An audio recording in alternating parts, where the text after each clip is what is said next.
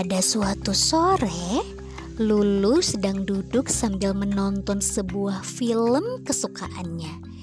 Di sekelilingnya banyak sekali mainan dan buku yang berserakan.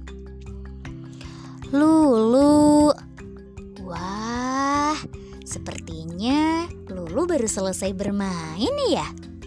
Eh, seharusnya kalau sudah bermain, bagaimana ya?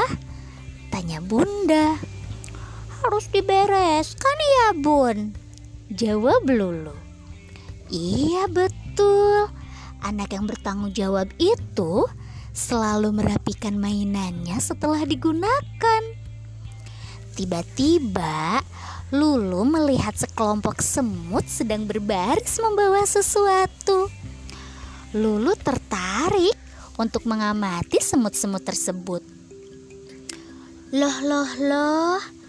Anak bunda ternyata belum merapikan mainannya ya.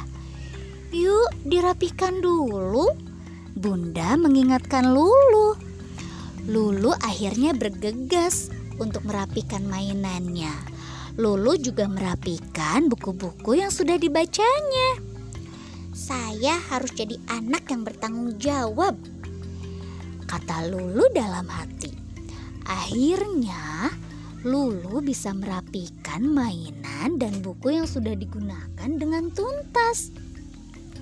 Sekarang, Lulu belajar bertanggung jawab dalam kegiatannya sehari-hari.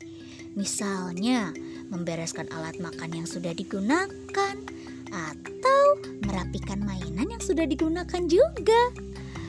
Hmm, sekarang semuanya menjadi mudah karena Lulu sudah terbiasa menjadi anak yang bertanggung jawab.